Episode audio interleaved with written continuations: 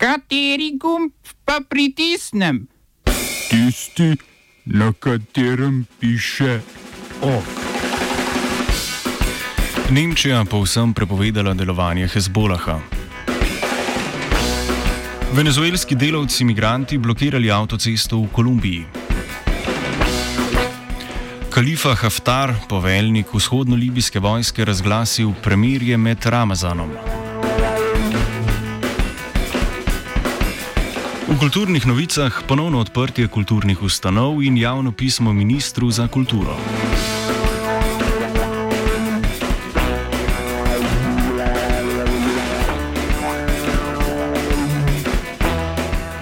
Nemška vlada je, kot kaže, podlegla interesom Združenih držav Amerike in prepovedala aktivnosti libanonske politične in vojaške organizacije Hezbollah. Decembra je namreč zunani minister ZDA Mike Pompeo pozdravil odločitev Združenega kraljestva o prepovedi omenjene organizacije in si zaželel podobne prepovedi tudi v Nemčiji. Predhodno je sicer Nemčija Hezbolah delila na politično stranko in vojaške milice, ki se med drugim borijo ob vojski sirskega predsednika Bašarja al-Assada. Prvotno pa je bil ustanovljen leta 1985 kot odziv na izraelsko okupacijo Južnega Libanona. Prepovedi je sledila jutranja racija po štirih mošejah in nekaterih društvih po državi, kjer naj bi se združevali šiitski islamisti. Organizacija kot taka v Nemčiji sicer ne deluje in tudi nima prijavljenih uradnih prostorov, vendar pa nekateri simpatizerji v Nemčiji zbirajo sredstva za delovanje.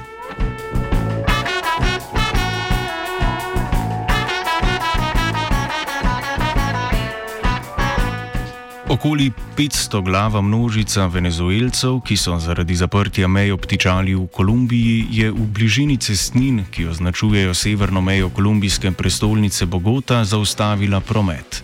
Situacija je posledica odločitve kolumbijske vlade o karanteni, ki je več tisoč tamkajšnjih venezuelcev pahnilo v hudo pomankanje, saj za nje več ni dela in se tako želijo vrniti domov. Venezuelske oblasti so sicer izjavile, da lahko zaradi testiranja in karantene dnevno sprejmejo do 600 ljudi v državo, medtem ko kolumbijska vlada trdi, da je ta številka za polovico manjša. Poleg tega opozarja, da bodo avtobusi, ki so začeli pot brez odobritve, ustavljeni na meji, dokler se prostor ne sprosti.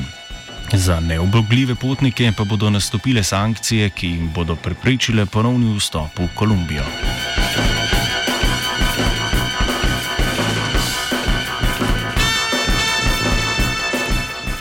V Libiji je za časa svetega meseca Ramazana general in de facto vodja toburške vlade, ki je mednarodna skupnost ne priznava, Kalifa Haftar razglasil enostransko premirje, na katero se mednarodno priznana vlada v Tripoliju še ni odzvala. Haftar je pojasnil, da bodo na vse vojaške napade vladnih sil odgovorili neomahljivo. Libija je po padcu Moamerja Gaddafija leta 2011 postala politična džungla. Situacija pa se je dodatno zakomplicirala in zaostrila z izbruhom druge državljanske vojne leta 2014, v kateri se vlada sedežem v Tripoliju bori proti bivšemu Gaddafijevemu generalu in na to Gaddafijevemu nasprotniku Haftarju, ki ga podpira Rusija. Poleg njih štrene mešajo še prenekatere milice, ki zvestobo izrekajo situaciji primerno.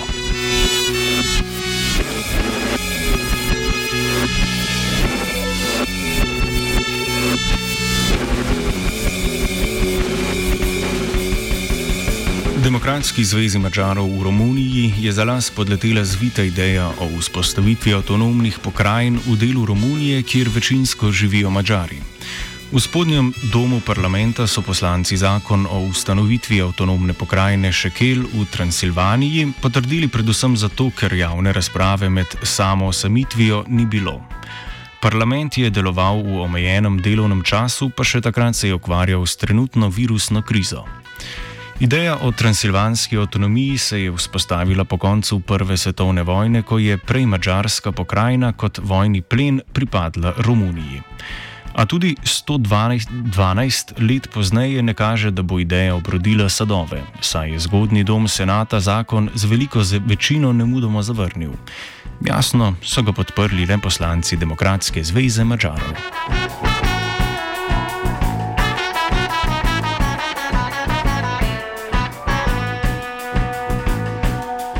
Ostajamo v Romuniji, a pozornost s posvetne obračamo na crkveno oblast. Nacionalna pravoslavna crkva v bojazni pred skrunitvijo krščanske ikonografije protestira pred svetovno javnostjo zaradi plakatov, ki prikazujejo medicinske delavce kot svetnike. Romunski crkveni predstavniki menijo, da kampanjo Evropske unije, ki medicinske sestre in zdravnike prikazuje v svetniških ikonografskih pozah, zaznamujeta ignoranca in roganje krščanski tradiciji. Po njegovem mnenju ne gre le za bogokletno dejanje, temveč žalitev do zdravnikov, ki o sebi ne razmišljajo kot o božjih izvoljencih. Mestna hiša v Bukarešti tako predlaga odstranitev plakatov, podobe pa bi nadomestila slikami, ki bi dejansko počastile zdravnike in ne želile boga boječih mimo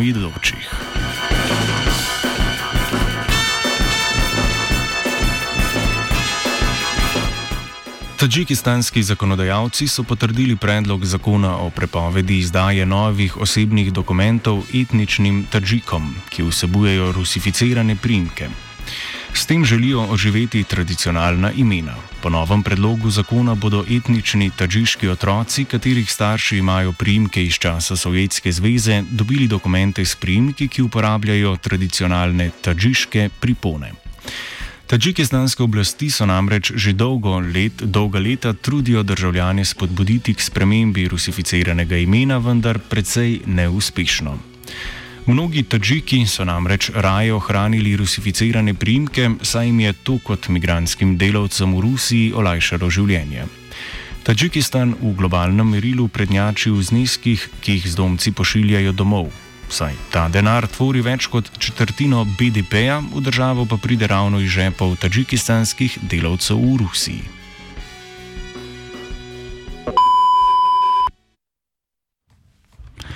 Znanstvena redakcija sporoča.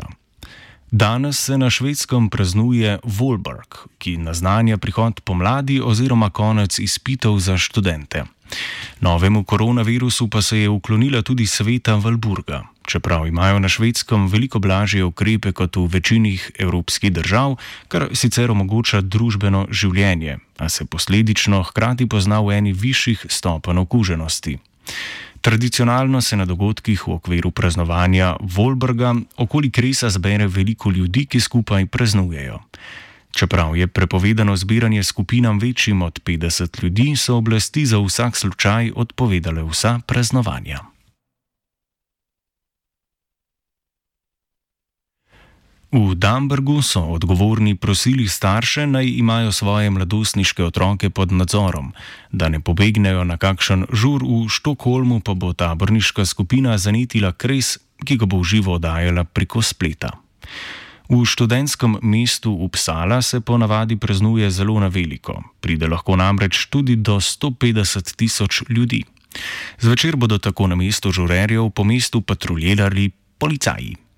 Parke univer univerzitetnega mesta Lund, kjer je navadno organizirano eno največjih praznovanj v državi, so mestne oblasti za vsak slučaj pognojile, da se študenti zaradi smradu ne bi zbrali.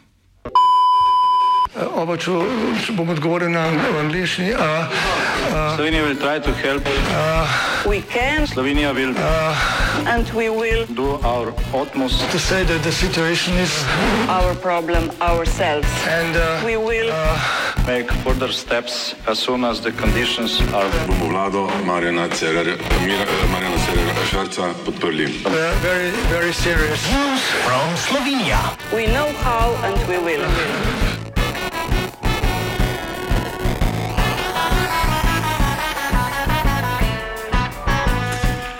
Sindikat delavcev rudarstva in energetike Slovenije, krajše SDRS, družbi Premogovnik Velenje očita cenzuro pri objavi prvomajske čestitke v internem časopisu Rudar.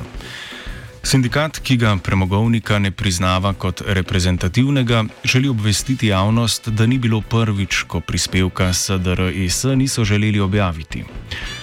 Tokrat je šlo predaleč, saj niso objavili niti prvomajske poslanice. Tokrat naj bi bil vodja službe za odnose z javnostmi poskušala preprečiti predsednika SDRS Asmirja Bečiroviča naj preoblikuje besedilo voščilnice. Objava v časopisu Rudar je bila zavrnjena, čež da objave sindikata ne sodijo v časopis Rudar, saj tisk financira delodajalec. V vsebini zelo hotne čestitke je bilo govora o razpršenih ciljih in izgubi rdeče niti sindikalnega boja, ter o tem, da so nastopili časi prerasporejanja institucionalnega bogatstva v prid lastnikom kapitala. Pojasni predsednik sindikata Asmir Bečirovič. Tako kot uh, vsako leto dobimo dejansko poziv z strani uh, službe za stike uh, z javnostmi, da uh, napišemo dejansko poslanico, ki bo objavljena v časopisu Rudar.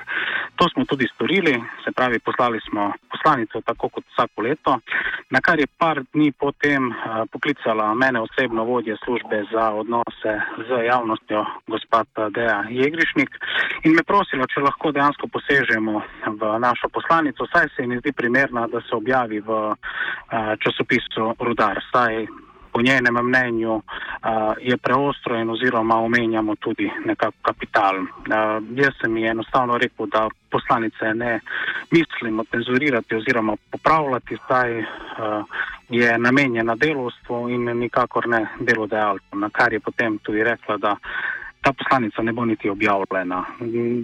Mi smo dejansko obvestili širšo javnost o tem dogodku, uh, ravno zaradi tega, ker gre tokrat za uh, poslanico oziroma prvomajsko čestitko ob prazniku dela. Uh, ni pa prvič, da so nas poskušali cenzurirati v časopisu Rudar. Imamo tudi našega predstavnika v, v uredniškem odboru in ko se pogovarjamo o temah, ki bi bile primerne oziroma ki bi se nekako objavile v časopisu Rudar, uh, ko omenimo že samo naslove tem, kot je recimo energetski koncept uh, Slovenije in podobno, so rekli, da takšne ali podobne dejansko dejansko zadeve ne moremo mi pisati, ampak da bo o njih pisal izključno delodajalec. Bečerovič še povzame nadaljne ukrepe glede cenzure sindikata.